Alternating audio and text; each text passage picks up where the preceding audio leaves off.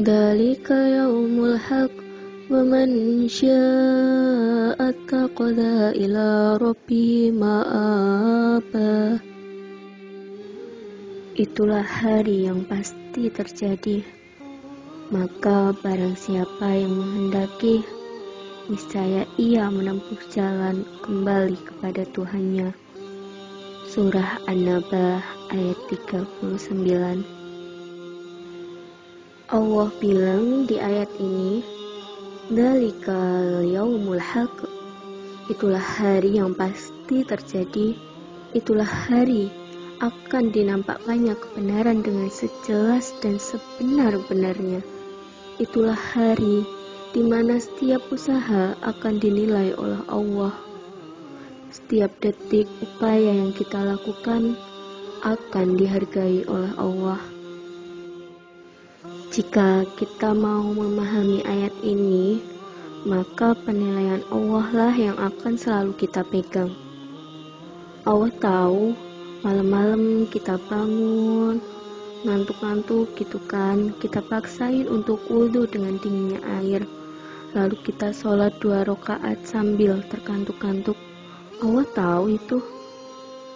Saat berpuasa kita sahur mungkin hanya dengan segelas air lagi nggak ada uang untuk beli nasi gitu kan ekonomi lagi seret siangnya kita kuat-kuatin untuk berpuasa panas haus, lapar, lalu kita lakukan dengan ikhlas dan mengharap kebaikan dari Allah.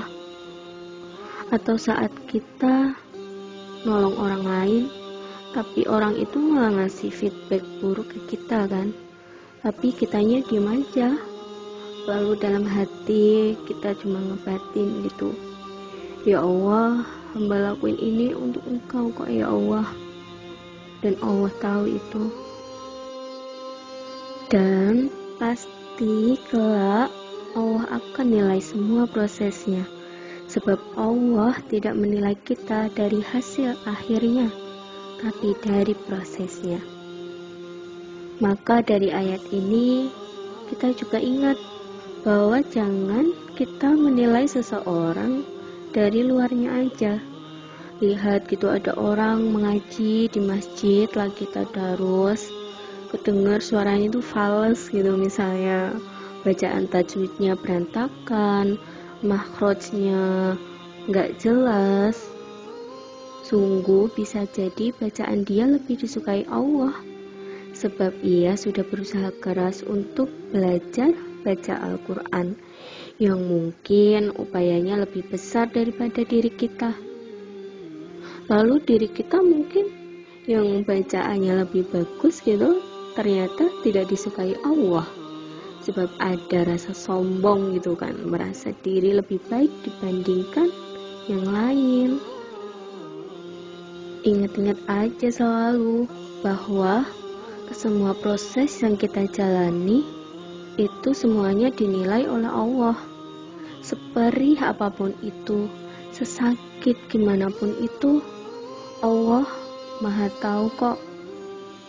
Allah tahu beratnya kita untuk taat, perjuangan kita untuk menjadi pribadi yang lebih baik, susahnya kita untuk selalu ngejaga iman kita, istiqomah dalam ibadah, ngedekat ke Allah gitu kan.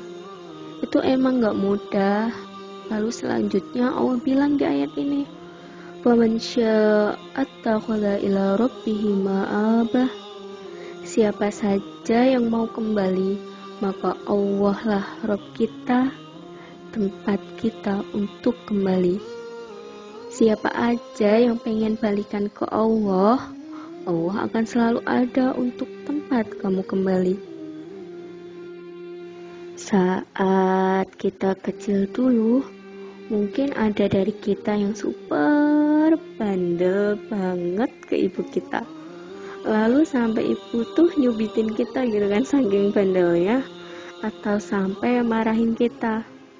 Dan kita nangis nangis gitu kan. Dan tahu nggak semakin kita nangis gara-gara kesalahan kita mungkin ada sebagian ibu yang malah mempererat pelukannya gitu ada yang pernah saat kecil dulu nangis sambil peluk kuat banget ke ibu. Kira-kira kenapa coba? Kenapa anak kecil itu kalau dia ada salah dengan ibunya bukan malah ngejauhin ibunya tapi malah ngedeketin ibunya kenapa coba jawabannya simpel sebab anak kecil itu nggak tahu ke mana lagi tempat yang nyaman untuk kembali selain ibu.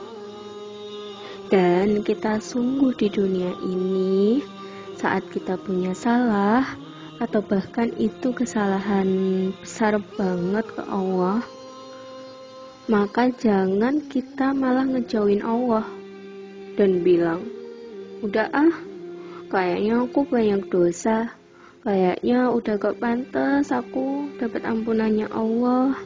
Enggak, jangan seperti itu.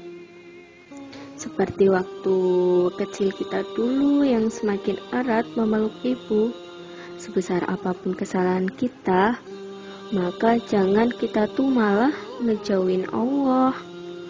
Tahu nggak saat kita nangis ke ibu, apa ya selanjutnya ibu kita lakuin ke kita?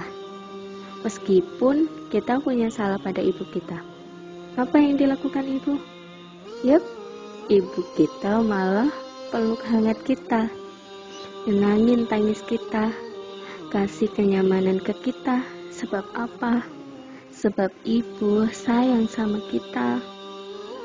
Lalu Allah Allah itu jauh lebih besar banget sayangnya ke kita dibandingkan ibu kita. Maka saat kita kembali ke Allah, balikan sama Allah. Allah tuh happy banget, Allah tuh bahagia banget. Dan pasti kita makin disayang sama Allah. Semoga benar ya kita udah terbiasa melatih diri untuk selalu dekat ke Allah dengan belajar memahami kalamnya. Membiasakan diri dengan Al-Quran, membacanya, menghafalnya, mentadaburinya, dan bermesra dalam tangis merundukkan diri. Akan betapa indah firman-firmannya.